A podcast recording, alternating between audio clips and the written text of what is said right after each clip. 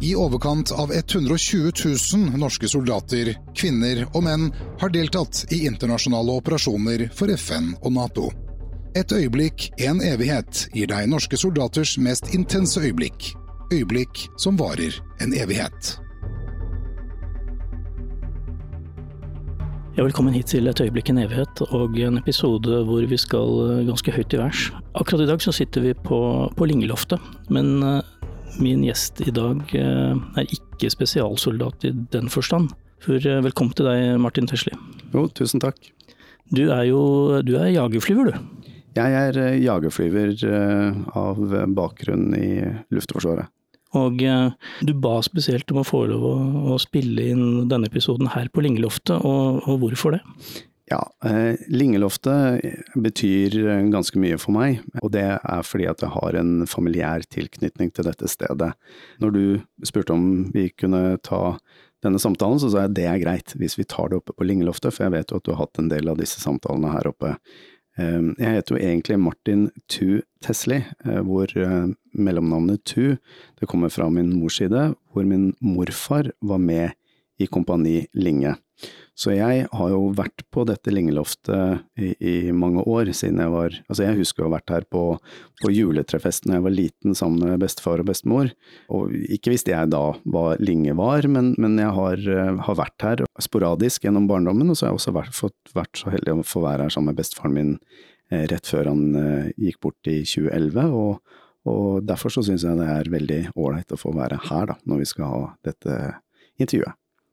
Jeg tenker at uh, vi, vi, lar Kompani Linge og uh, krigsgenerasjonen få, være for i dag, fordi ja. nå skal vi over på med luftige ting. Du begynte jo Luftforsvaret, hvorfor det? Ja, Det er et veldig godt spørsmål. Jeg har alltid vært interessert i fly, uh, og jeg har alltid drømt om å fly, og jeg har ønsket, så lenge jeg kan huske, å fly jagerfly. Så for meg så var det en, en, drøm å gå etter, det var noe jeg ønsket å gjøre. Så jeg, jeg forsøkte å finne ut Jeg hadde masse brosjyrer, det her var jo før internett og sånn. Altså alt fra Luftforsvaret, det, det, bare samlet jeg sammen, og bøker og, og så videre. Og så vil jeg gjerne vite hvordan kan man bli flyver, og aller helst jagerflyver.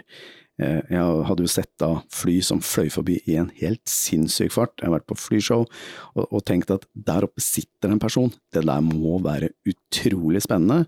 Eh, og, og, og det var jo det som ledet til at jeg da eh, fulgte drømmen min. Så, og det var å bli jagerflyver i Forsvaret. Det er jo mange tusen som har guttedrømmen om å bli jagerflyver, og du er en av dem som kom gjennom dette ekstremt trange nåløyet og ble liksom For jagerflyver er jo, i, vår, i, våre andres øyne, det er liksom det er toppen på kransekaka. Det er flaggene på toppen på kransekaka, på en måte. Jeg var i hvert fall veldig interessert i å bli flyver, og, og det er jo sånn at hvis ikke man altså går inn for uh, å skulle komme gjennom flyskolen og ønsker seg og søker og gjør alle disse tingene, ja, da blir du ikke flyver i, i Forsvaret. Men jeg hadde den den der indre driven, og det var det, den jeg fulgte. Så det, det var det, altså jeg ønsket å fly jagerfly, og var heldig og klarte det, da. Og du begynte med F-16? Ja. Eh, jeg gikk gjennom flyskolen i 94, 95, eh, og så begynte jeg å fly F-16. Fikk vingen etter utdannelsen min i 97 bort i USA, og så var jeg det første hele kullet som fikk utdannelse i Tucson i Arizona på F-16 før jeg da kom hjem eh, sommeren 98. Og her ble du stasjonert eh, og, skulle drive med de vanlige tingene, holdt jeg på å si, som ja. dere med, med, avskjæring og den slags? Ja, da var det til Ørland, hvor eh, til 338-skvadronen der oppe. Eh, og hvor jeg da skulle få en norsk kvalifisering og, og utsjekke uh, og drive med ja, forsvaret av Norge. Åssen var det å liksom være helt foran i den første linje mot motstanderen en gang?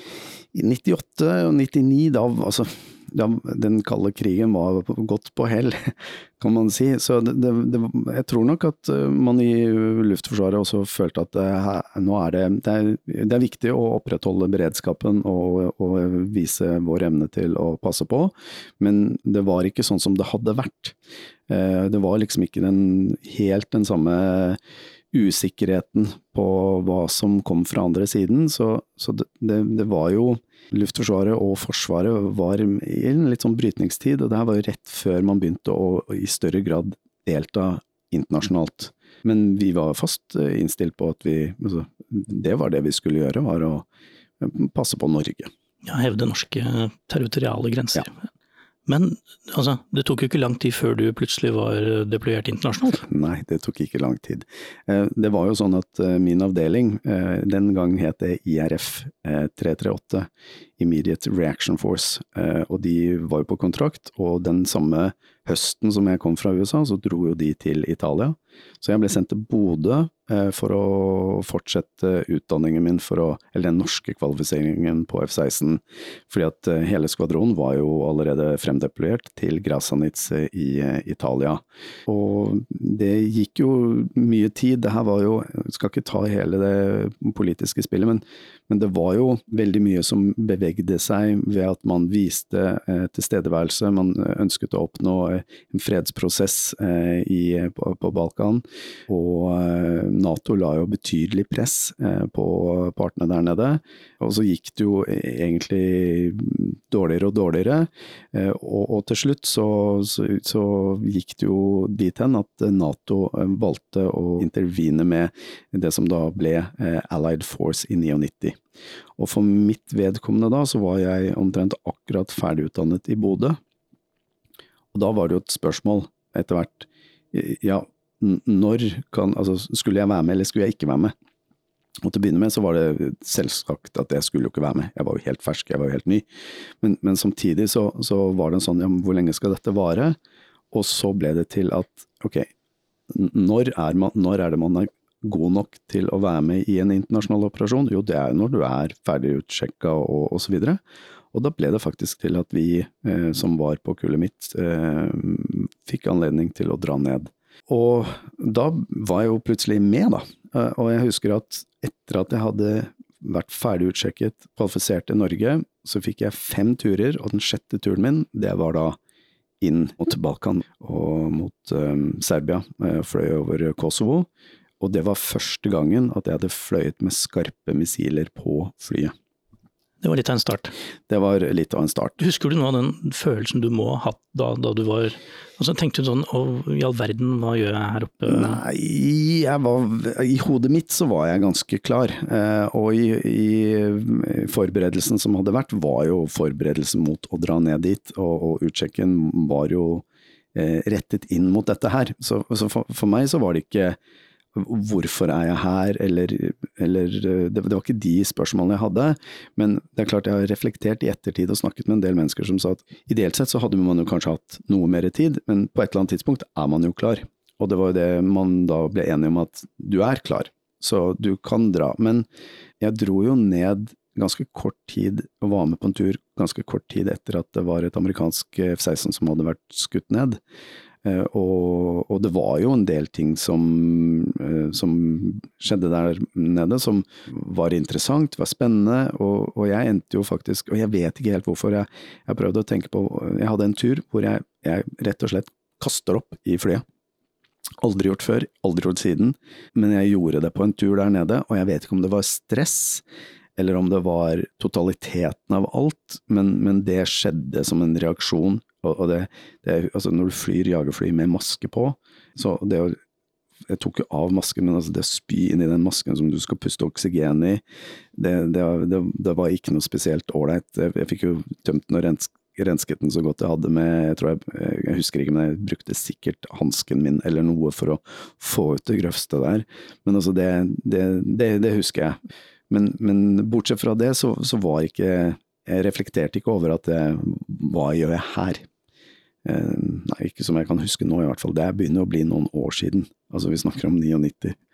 Jeg tenker at det, for oss eh, andre som var på bakken, eh, kanskje litt i forkant av dette, sånn, så, så virker, jo, virker, det jo nesten som en, en liten befrielse når vi, når vi, da hørte om at Nato kom inn med, med de tyngre tingene med fly og sånn. Ja. Følte du deg noen gang som en sånn kavaleriet kommer og redder folk?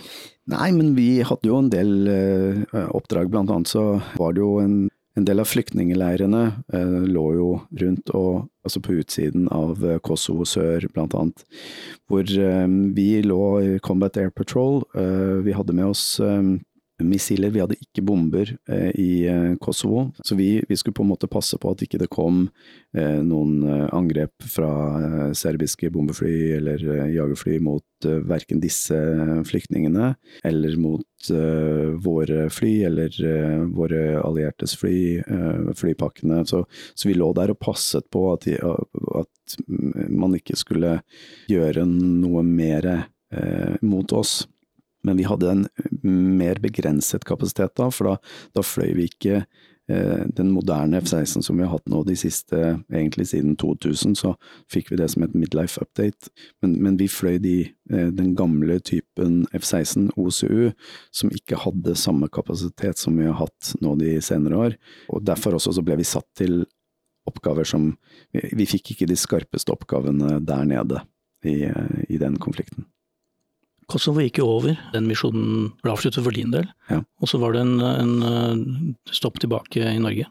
Ja, eh, det var tilbake i Norge å få utsjekk på MLU, den nye flytypen. Og så fikk jeg også, ble så heldig å, å bli pekt på for å, å, ta utdannelse som eh, weapon instructor på F-16, så jeg var i Nederland i et, et eh, halvt års tid, hvor du da egentlig bare lærer deg å bli ekspert på det systemet, og, og nå var jo plutselig alt nytt, så jeg husker at vi, vi også begynte med targeting pod, som var eh, altså denne øh, denne poden, eller eh, det utstyret som gjør at du kan eh, fysisk styre laserstyrte bomber inn. Du sitter og ser denne TV-skjermen hvor du har et eh, trådkors i midten, og der er lasersiktet ditt for å styre inn våpen. Og det var jo veldig spennende å få lov til å begynne med den type teknologi. For det, det, det, da plutselig begynte man å kunne gjøre det som man refererte til som kirurgisk bombing, som er, jeg syns det er litt sånn et litt flåsete uttrykk, men, men altså altså presisjonsbombing, det er klart at vi, vi, tok et helt Altså, vi tok et gigantsteg inn i en ny verden med presisjonslevering av våpen. Ikke bare bomber, men alle typer våpen. Og så kom det en ny misjon, og denne gangen var det et annet sted i Midtøsten, nemlig Afghanistan? Ja, Afghanistan kom jo etter uh, eh, 9-11, og da dro vi med uh, de nye flyene, F-16, uh, ned til et sted som Eh, altså, Manas heter eh, byen. Det ligger i Kirgisistan, som er nord, eh, ganske langt nord av Afghanistan. Men der var det en base som vi da skulle begynne å operere ut ifra. Så der det, det, ble jo plutselig et litt annet hopprenn, for nå hadde jo vi mm, et, både evnen, men også vi ble jo satt i en rolle hvor vi også skulle kunne delta med, med å levere bomber. Og det var jo eh, For det første, det er veldig langt, eller det var langt å fly ned til Afghanistan. Afghanistan var jo altså Du må fly 45 minutter ned, så flyr du inn i Afghanistan, og så skal du være der, og så er det 45 minutter tilbake. Det er mye lufttanking. Men helt til å begynne med så husker jeg at eh, det, var, det var fort sånn at amerikanerne ville veldig gjerne ha amerikansk støtte. Det, det var altså sånn Vi, vi andre vi, vi, ble på en måte litt sånn plassert andre steder. Men det endret seg ganske fort, ettersom de begynte å se at eh, de allierte også de, de var fullt kapable, og, og, selv om vi snakket kanskje ikke perfekt amerikansk-engelsk, eh, så etter hvert så, så, skjønte de at vi var dyktige på det vi gjorde, eh, og da, da begynte de å, da spilte det ikke noen rolle. Vi var på Manas sammen med danskene og nederlenderne, og gjorde et veldig ja, bra stykke arbeid eh, derfra. Hvordan opplevde du den misjonen? Det var eh, lange økter, og så skulle du også være konsentrert for å gjøre det du skulle gjøre der nede? Ja, det var lange økter, men der hadde vi ganske god tid mellom, eh, mellom turene. Jeg mener du at det var tre, hver tredje eller hver fjerde dag så fløy vi, sånn at du hadde litt, sånn, litt god tid til å restituere deg, og, og du, var godt, du, du, var godt, påskrudd eh, når, vi, når, vi, var der nede. Og det var aldri sånn at hvis man ba oss om å være der lenger, så det var aldri noe problem. Ja, det var flere runder hvor vi snakker med de på bakken, vi gir de et situasjonsbilde gjennom en landsby, vi ser ovenifra, vi, vi er på en måte deres øyne og ører eh, ovenifra og, og, kan fortelle dem uh, hva de har i vente. Og, og, når vi etter hvert fikk en del litt sånn bedre kommunikasjon med de enhetene vi skulle eh, dra sammen med, så, så, så fikk de fin flyt da, i den støtten vi hadde til dem. Og det, det tror jeg gjorde at eh, de, de, kunne ut eh, For det første så ble det tryggere for dem, og, og, at de kunne utføre de oppdragene de trengte på en mye bedre måte. Eh, og så er det også sånn at når vi er til stede, så, så både med skarpe våpen, men, men, bare det at vi er til stede, kunne ofte gjøre at det deeskalerte en situasjon også. Eh, at de hører at oi, her, disse karene har med seg noe som henger der oppe. Da, da plutselig så da, da, kunne det være med på å rett og slett sørge for at uh, ting uh, roet seg, eller at uh, enkelte andre trakk seg unna. Ja, det var ikke så lett å være så tøff da, når, når du hørte dere der oppe. Ja. Nå er det jo ofte mange som sier at ja, ja, jagerflyverne de, og flyvere generelt, de er jo langt unna der det skjer, og de, de, de sitter og nyter utsikten og holder på. Men, men, du har jo opplevd også den andre siden, du har vært på bakken? Ja, eh, jeg har vært med to ganger til til Afghanistan, henholdsvis i 2005 eh, og i 2007. Da var jeg det som heter Air Liaison Officer for eh, spesialstyrkene. Så i 2005 så var jeg der og hadde Trond Bolle som eh, sjef, og satt da i, på Bagram og, og sørget for at de skulle ha den luftstøtten tilgjengelig når de trengte det. Eh, og at de skulle få riktig luftstøtte, og, og også, jeg ville være der gjerne og lage brifingpakker for det, eh, de flystyrkene som de eventuelt skulle ha, og sørge for at de var eh, visste nøyaktig hva det var våre karer og kvinner skulle gjøre på bakken. Så det var min rolle der. I 2007 så var jeg også ute, og da hadde jeg jo nåværende forsvarssjef Eirik Kristoffersen eh, som eh, sjef der nede.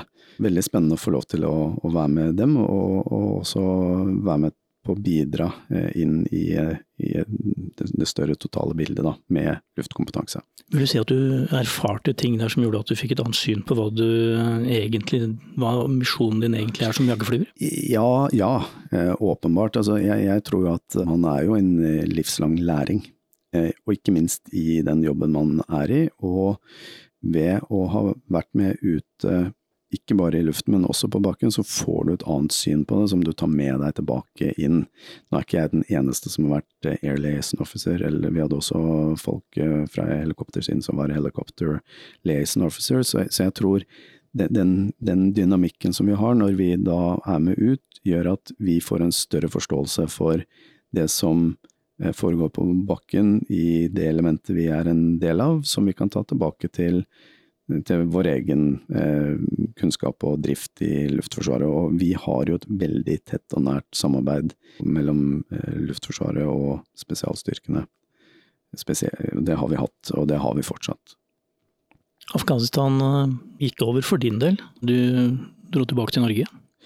Ja, det gikk over. I, jeg må nesten ta med 2005 også, for da var jeg med på det som het eh, Baltic Accession som er i dag så er det jo denne eh, Vi har Iceland Air Policing, og så har vi hatt Air Policing i Cholet, som er en by i Litauen, som, hvor vi da driver med eh, denne luftovervåkingen eh, for de tre baltiske statene.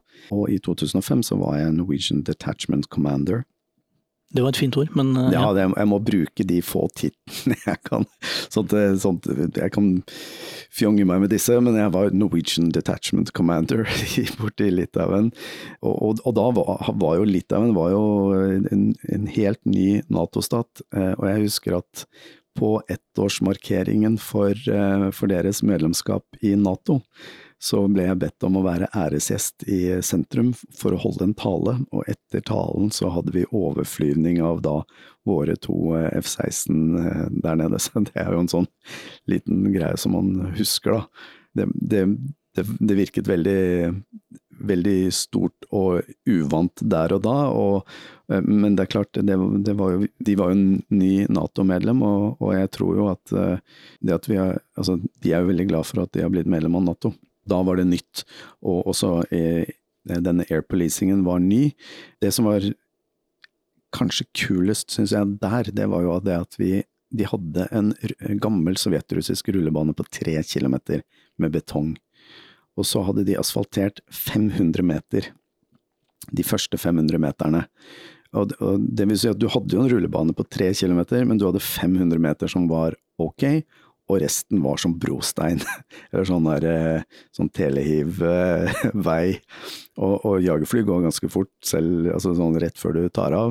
Eh, men vi had, har jo denne bremseskjermen som vi har hatt fordi at vi skal, hadde et konsept eh, tidlig med F-16 for, for kortbanenettet, som vi også Vi bruker jo bremseskjermen aktivt på vinteren når det er glatt osv. Så, videre. så vi var jo den første nasjonen som ikke bare var der med kampflyene, men vi fløy jo hver dag. Og de andre hadde jo ikke De hadde flydd dit, og så var de egentlig på beredskap dersom det skulle skje noe. Og, og vi fløy hver eneste dag, og når nederlenderne kom etter oss, så husker jeg at jeg, han, han, nederlandske sjefen som kom dit, han, hadde, han var litt snurt og litt sur, for at vi gjorde jo det, og de hadde jo ingen planer om å skulle fly, men nå måtte jo de også fly. Nå har jo Chalet blitt uh, oppgradert og sånn, men jeg husker at det var veldig spennende. Og da, da, ble det jo til at du måtte være ganske nøye på landingen din, og så måtte du poppe bremseskjermen, sånn at når du hadde passert de 500 meterne, så hadde du kanskje en sånn taxispeed på en 30, kanskje 40 knop. Da. da, da var ikke den brosteinen som ille, men det, det var nok noen etter oss som som uh, slet litt mer. Nå har nederlenderne også bremseskjermen, den de har ikke like effektiv som vår.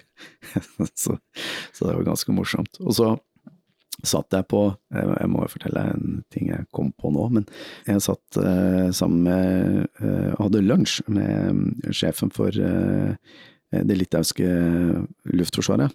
Og vi satt nede på en restaurant og snakket sammen, og det var hyggelig. og Litt sånn representasjonslunsj. Og så i den lunsjen så, så ringer eh, telefonen hans, og han svarer på den, og, og så ser han over på meg og så sier han Can, can we scramble the Curie? Og så sier jeg ja, ja, nei, ja, hva da, nei. Ja, there's a Russian aircraft inside our airspace. Russian air, aircraft inside your airspace? Yes, right now. Can we launch the Cura? Ja, jeg svarer launch Curaen. Og da, da, hadde selvfølgelig Natos aksjon der da hadde tatt litt lengre tid gjennom de litauiske linjene, så, så de ble skremlet. Men det, på meg så virket det som at han og jeg satt og tok den decision over lunsjen. Så, men det, det, var, det, skjedde jo ikke sånn, da. Men eh, det var, var litt uh, morsomt allikevel. Den neste misjonen vi skal snakke om er jo litt mer eh, spesiell. Ja. For du var jo også ganske Eller du var jo med på den Libya-misjonen? Ja, jeg var med i eh, Libya. Det, der, det er jo en veldig stor eh, operasjon fra Norge sin side. Eh, det, det, var jo et eh, FN-mandat på noe som het eh, Responsibility to Protect. Eh, hvor vi hadde som mandat å, å faktisk gå ned og håndheve en no-fly zone og sikre at angrep på sivile ikke skulle forekomme. Det var jo Det kom som en konsekvens av tidligere aksjoner nede i Rwanda at uh, FN kom med dette mandatet. Så vi, vi var på Soda Bay på Kreta og bodde i Shania som er en kjent norsk ferieby for mange. Der hadde vi et hotell i sentrum som vi hadde for oss. Men det, det, var også mange nordmenn på ferie. altså Chania ja. er et sted man drar til, jeg ser på reisebyråer og sånn. Ja. Man drar jo dit. Ja, det er det, eh, og i aller høyeste grad. Og det, vi hadde et hotell inne i sentrum som var litt avskjermet fra andre.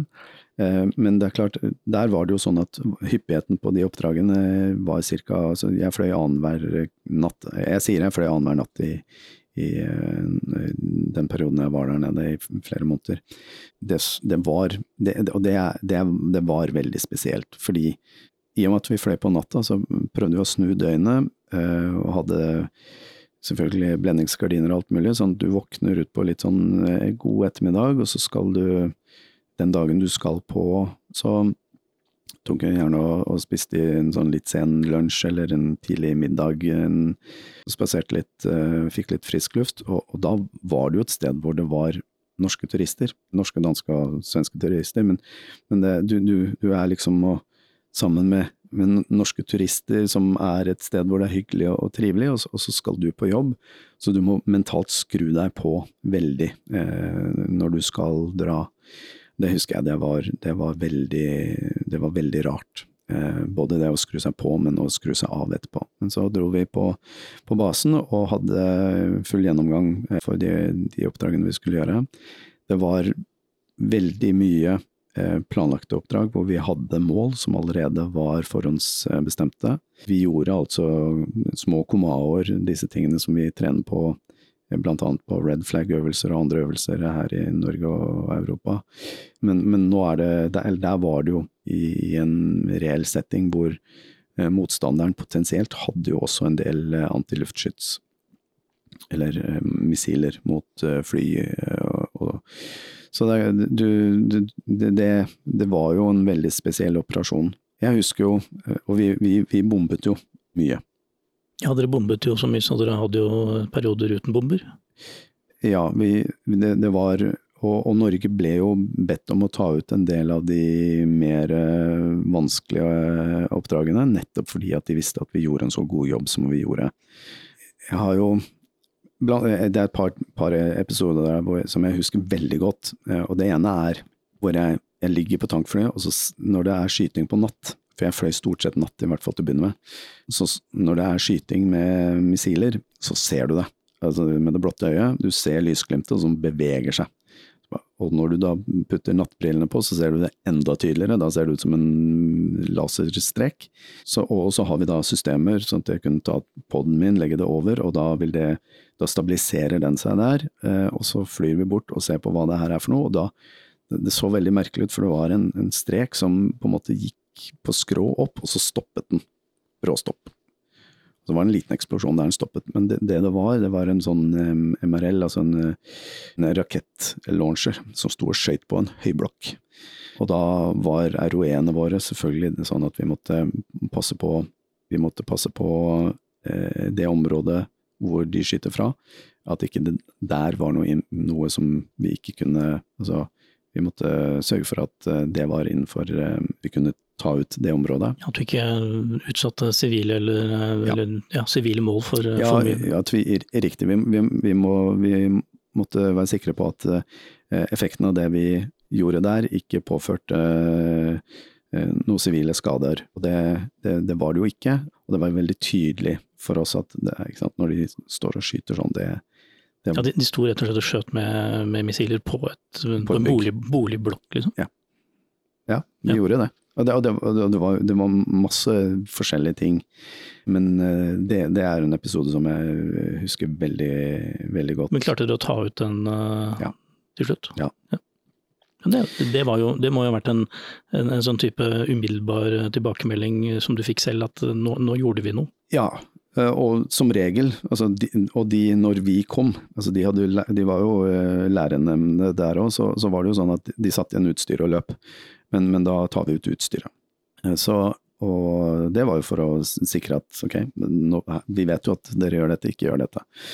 Og det var flere ganger hvor vi eh, fant militært utstyr i samarbeid med en eh, amerikansk predator, eh, som hadde eh, et av de raskeste oppdragene vi var på der borte, i hvert fall for min del.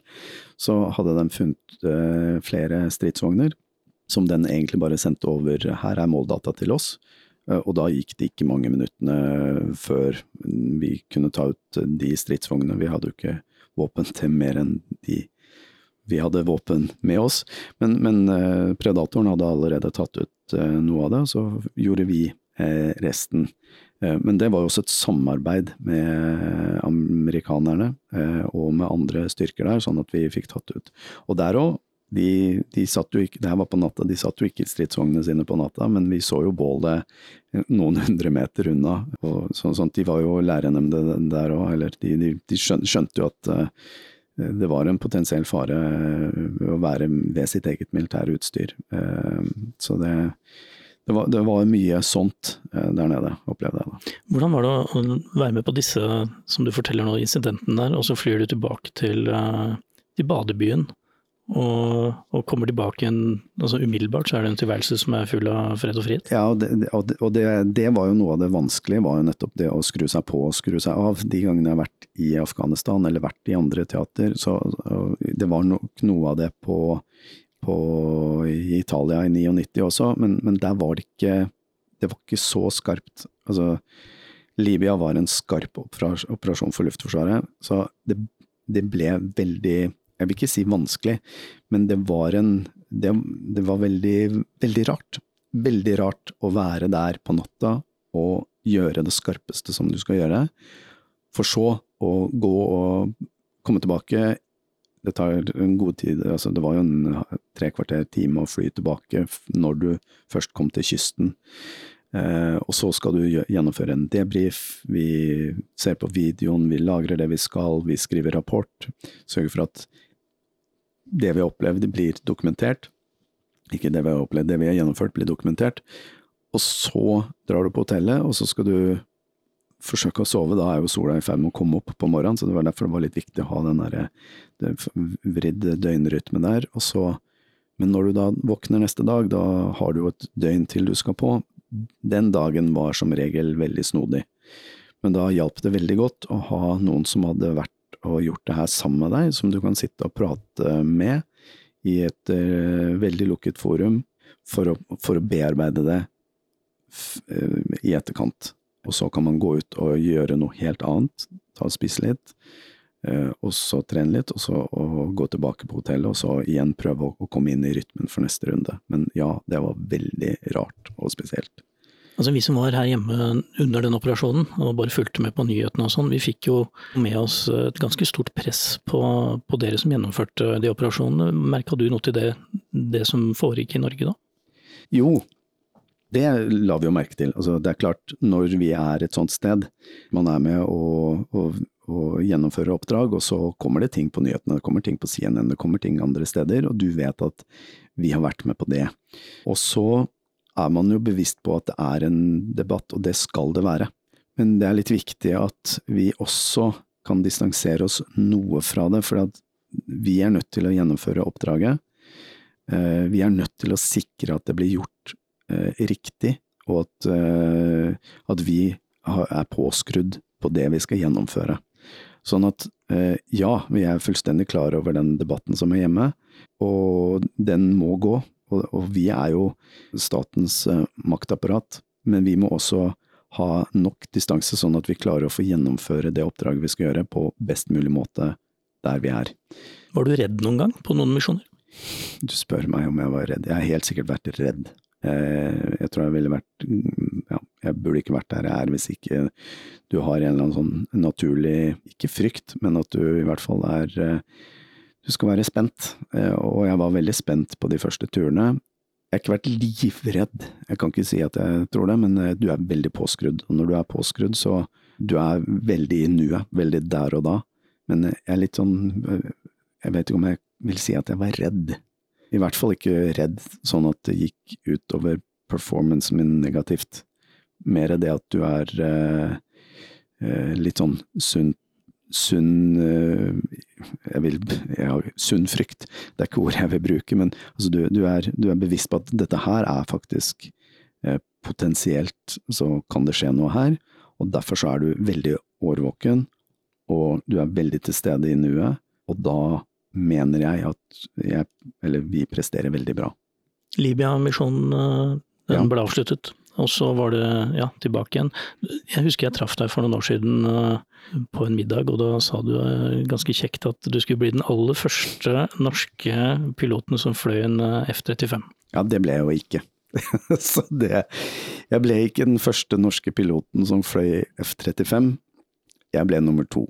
Du ble nummer to, men jeg må jo si at du var jo ganske høyt oppe på pallen. Da. Eh, ja, og, og det Jeg vet ikke om det var fordi at jeg var eplekjekk der og da. Jeg, jeg håper jo og tror jo ikke at jeg er det sånn til vanlig ellers, men, men, jeg hadde en veldig indre drive for å prøve å komme med i det teamet som skulle over på F-35.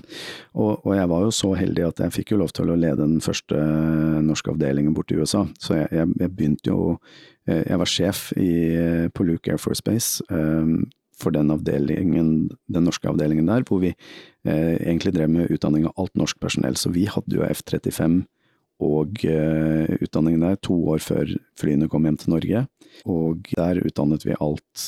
Teknikere, simulatorinstruktører, mission support, uh, redningsutstyr, flyvere. Alle eh, kategoriene som måtte til for, eh, eller som må til for å, å drifte F-35, utdannet vi borte på Luke mens jeg var sjef der. Nå er det kun flyvere som utdannes der, at nå har vi fått flyene hjem, og da den, den, andre utdanningen den foregår i Norge. Men jeg er veldig stolt av å ha vært med helt fra starten av på F-35.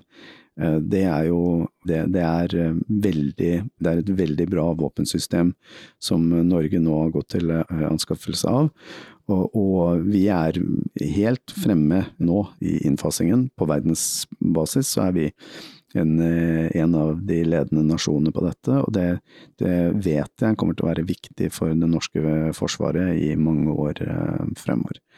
Så ja, jeg var nummer to som kom i luften og det var fordi at jeg tok av rett før NK-en min, som da ble nummer tre. Men eh, han landet før meg, så hvis du spør han, så vil han si at han var nummer to. Han var liksom som gjennomførte den andre flighten? Ja, fordi at han landet før meg, så da jeg, var jeg kanskje nummer tre allikevel. Men eh, jeg tror ikke det er så nøye. Jeg tror det som er viktig, det er at eh, vi er kommet veldig godt i gang med innfasingen av F-35. Det handler ikke om individet i det her, det handler om at eh, helheten skal bli bedre, og at vi alle skal bli bedre i det vi gjør fremover. Hvis vi skal fortsette å snakke litt om, eh, om F-35, hvordan vil du beskrive overgangen fra F-16-systemet til F-35? Altså, er F-35 så formidabelt som vi har blitt fortalt at det er? Kort fortalt, ja. Men overgangen, det folk ofte spør meg om, er hvordan er det å fly F-35? Og, og, der er ikke overgangen så stor. Eh, og det kan også skyldes at jeg har jo flydd F-16 i ganske mange år, men sånn, sånn, helt flymessig, så det å fly en F-16 og fly en F-35 er veldig likt. Men det som gjør F-35 så mye annerledes, det er jo systemene den har om bord, integreringen den har opp mot andre plattformer, og seg imellom, men også andre plattformer. Og selvfølgelig det at den har eh, stealth, eller lavsignatur, at den skal være vanskelig å, å oppdage. Sånn at som et våpensystem så er F-35 en formidabel kapasitet, og den er Altså, den kommer til å, å være eh, ryggraden og spydspissen som noen har sagt før meg, for, eh, for Forsvaret og Luftforsvaret i mange år fremover. Så ja, den er så bra, og den kommer til å ha stor betydning for eh, forsvaret av Norge i mange år fremover.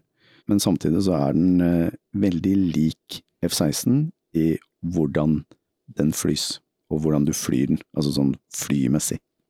Jeg tror veldig mange der ute lurer på hvordan det er å gjennomføre et oppdrag, gjennomføre en misjon. Ja, jeg har lyst til å snakke om et oppdrag som vi, vi hadde i Libya, hvor vi var eh, det var eh, et oppdrag hvor vi var sendt til et område hvor vi hadde fått beskjed om at her er det trolig en del eh, militær aktivitet og militære, militært utstyr. Og vi hadde jo på en, sånn, en slags liste over ting, så hadde vi en del ting som hadde høy prioritet. Og min veldig gode Wingman, fant et sånt system, en BM21, som sto på et, eh, et spesielt eh, transportkjøretøy, eh, som han fant. Ordentlig nål i høystak, men han fant det. Og det var rett sør av Sirt, som var fødebyen til Gaddafi.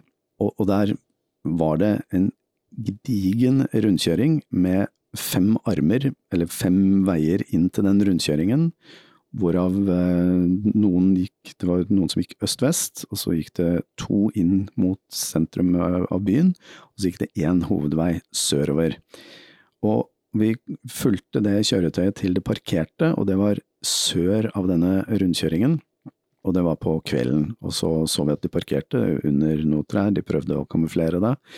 Og så gikk jo da kommunikasjonen oss imellom, men også mot uh, hovedkvarteret på vi, vi, trengte en ytterligere verifikasjon på collateral damage, eh, og at vi, dette var et mål de faktisk ville at vi skulle ta ut, der det sto.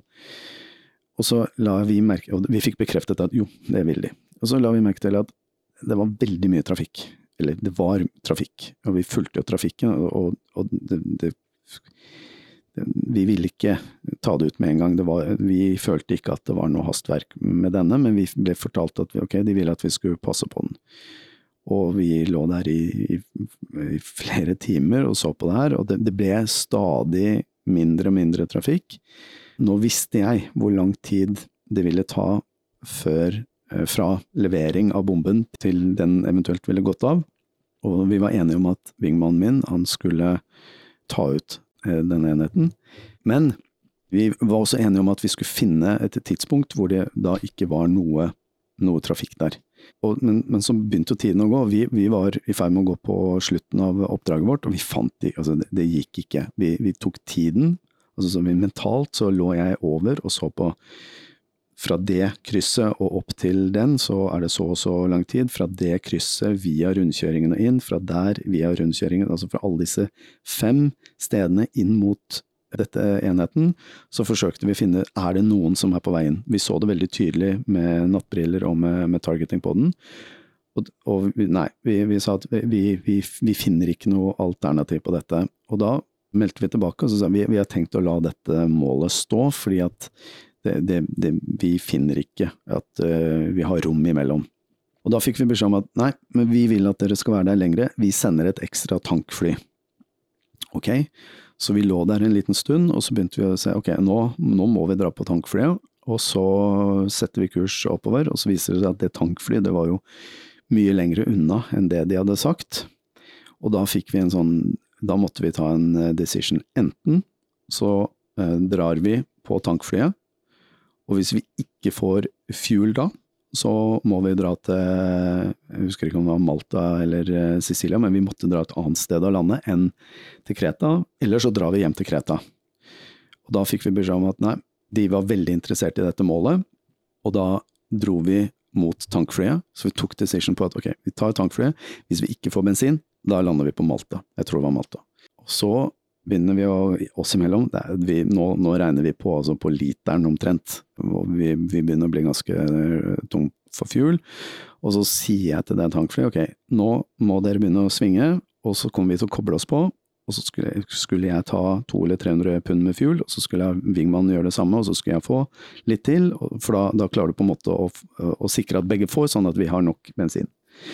Så jeg eh, kobler meg på i svingen, og idet jeg kobler meg på, så begynner de å øh, svinge sørover igjen, uten at min wingman har fått noe bensin.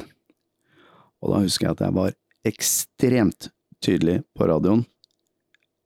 Jeg husker ikke callsignet på tankeren, men dere, sving nordover nå! Uh, for vi, altså vi, vi, regner på literen omtrent, det, det, er litt overdrivelse, men altså det er veldig eh, på marginene her. Og de gjorde ikke det. Jeg måtte være ekstremt tydelig på hvilken retning de skulle sette kurs. Rett mot Malta, fordi at vi hadde ikke fuel til å drive og tulle og skulle svinge sørover. Og da eh, fikk jeg et par hundre pund, og så var det vingmannen min, heldigvis fikk han et par hundre pund. Og så kunne jeg få litt mer bensin, og når han da koblet seg på andre gang, da kunne vi be dem om å snu sørover igjen. Så det var helt på hengende håret. Men når vi da kom ned, da lå jo dette den, den, lå der jo fortsatt. Og jeg husker jeg hadde tegnet opp en sånn der, eh, nesten som en matrise på hvor på, på, Bare på papir på, på låret mitt, eh, på knebrettet. Så tegnet opp fra hvor og hvor mange sekunder. Jeg husker ikke hva klokka var, om det var halv fire på natta eller noe sånt. Men plutselig så ser jeg at nå er det ingenting her. Det er ingenting. Han lå og holdt på et mønster som gjorde at han kunne bruke veldig få sekunder på å komme i en posisjon hvor han kunne levere våpenet. Og vi var enige, enige. Ja, ja, nå, sett kurs. Og jeg hadde noen koder for hva vi skulle gjøre og, og hva jeg kunne gjøre for abortet. Eh, og han hadde prøvd det flere ganger, sånn at vi hadde kjørt dry run, og helt perfekt. Det var ingenting der. Ingen kjøretøy, ingen bevegelse, ingenting. Og vi får tatt ut uh, dette systemet etter ganske mye admin, men, men, det bare viser hvordan vi tenkte og hvordan vi opererte der nede. Og, og, og det ble veldig godt uh, mottatt, og, og, det ble en knallsuksess. Jeg tenker på Når du har fortalt denne historien, her, så, så er det mye mer som ligger bak enn bare å, bare å slippe ned en, en, tung ting fra lufta. Ja. Du blir regnet som en av de mer erfarne jagerpilotene vi har. Du har vært med på mange misjoner. Du har til og med hatt egne, ditt eget privat veteranjagerfly. Skal vi snakke om det? Ja, du har jo det. jeg, jeg, er med i en gruppe som opererer noen eh, veteranfly. Eh, jeg driver, det her er jo fritid, men jeg er veldig, veldig historisk interessert. Og jeg er så heldig at jeg får lov til å fly på flyshow. Det er veldig få flyshow i Norge, men jeg flyr veldig mye flyshow i Eller nå har det ikke vært noe pga. korona, men jeg flyr flyshow i utlandet. Og vi drifter flere gamle veteranfly Eh, som vi viser på flyshow rundt omkring i Europa, deriblant eh, T33 Vampire. Eh, og jeg er også med i en gruppe som har, holder eller drifter MIG 15. Men de to førstnevnte har jo en historie fra Luftforsvaret. Vampire var jo Luftforsvarets aller første jetjager. Det var jo et fly vi fikk etter Spitfiren. Og i forbindelse med 75-årsjubileet til Luftforsvaret så fløy jeg oppvisning med Vampire i Bodø, med F-16 og F-35 på vingen, og da hadde vi altså første generasjon, fjerde generasjon og femte generasjons kampfly i samme formasjon. Jeg har flydd alle tre, det er jeg veldig stolt over, men det var mer en eh, representasjon av um, past, present og future. Hvordan eh, stiller du deg til det faktum at du er jo en eh, du er veteran, du er inntoppsveteran, du, du har den statusen, samtidig som du da fortsetter å jobbe med fremtidens luftforsvar? Ja, jeg, ser, altså, jeg reflekterer ikke så mye over at jeg er veteran, selv om jeg er det og jeg er stolt av å være det og, og sånn. Så jeg, kanskje fordi at jeg er stadig tjenestegjørende, eh, så, så er jeg er fortsatt i hva skal jeg si, altså jeg er jo fortsatt i eh, Nå jobber jeg jo i Forsvarsdepartementet, så jeg er jo ikke i Luftforsvaret per se, men, men altså jeg, jeg, ser ikke på meg som veteran på den måten, men jeg tror det er utrolig viktig å ta vare på veteranene og sikre at de som har vært med på å gjøre noe ekstraordinært for Norge, at de også føler at eh, det, er, det gir noe mer, eh, og at vi ivaretar dem på en god måte. Og med å si det, så, så, håper jeg også at jeg vil da bli ivaretatt på en god måte når jeg ikke lenger er eh, aktiv, men, men veteran kanskje mer på heltid, da. Dette er en av mange unike historier om selvoppofrelse og mot fra våre soldater. Her lar vi soldatene selv fortelle om de intense øyeblikkene, akkurat slik de opplevde det. Historier som rett og slett er blitt et øyeblikk, en evighet.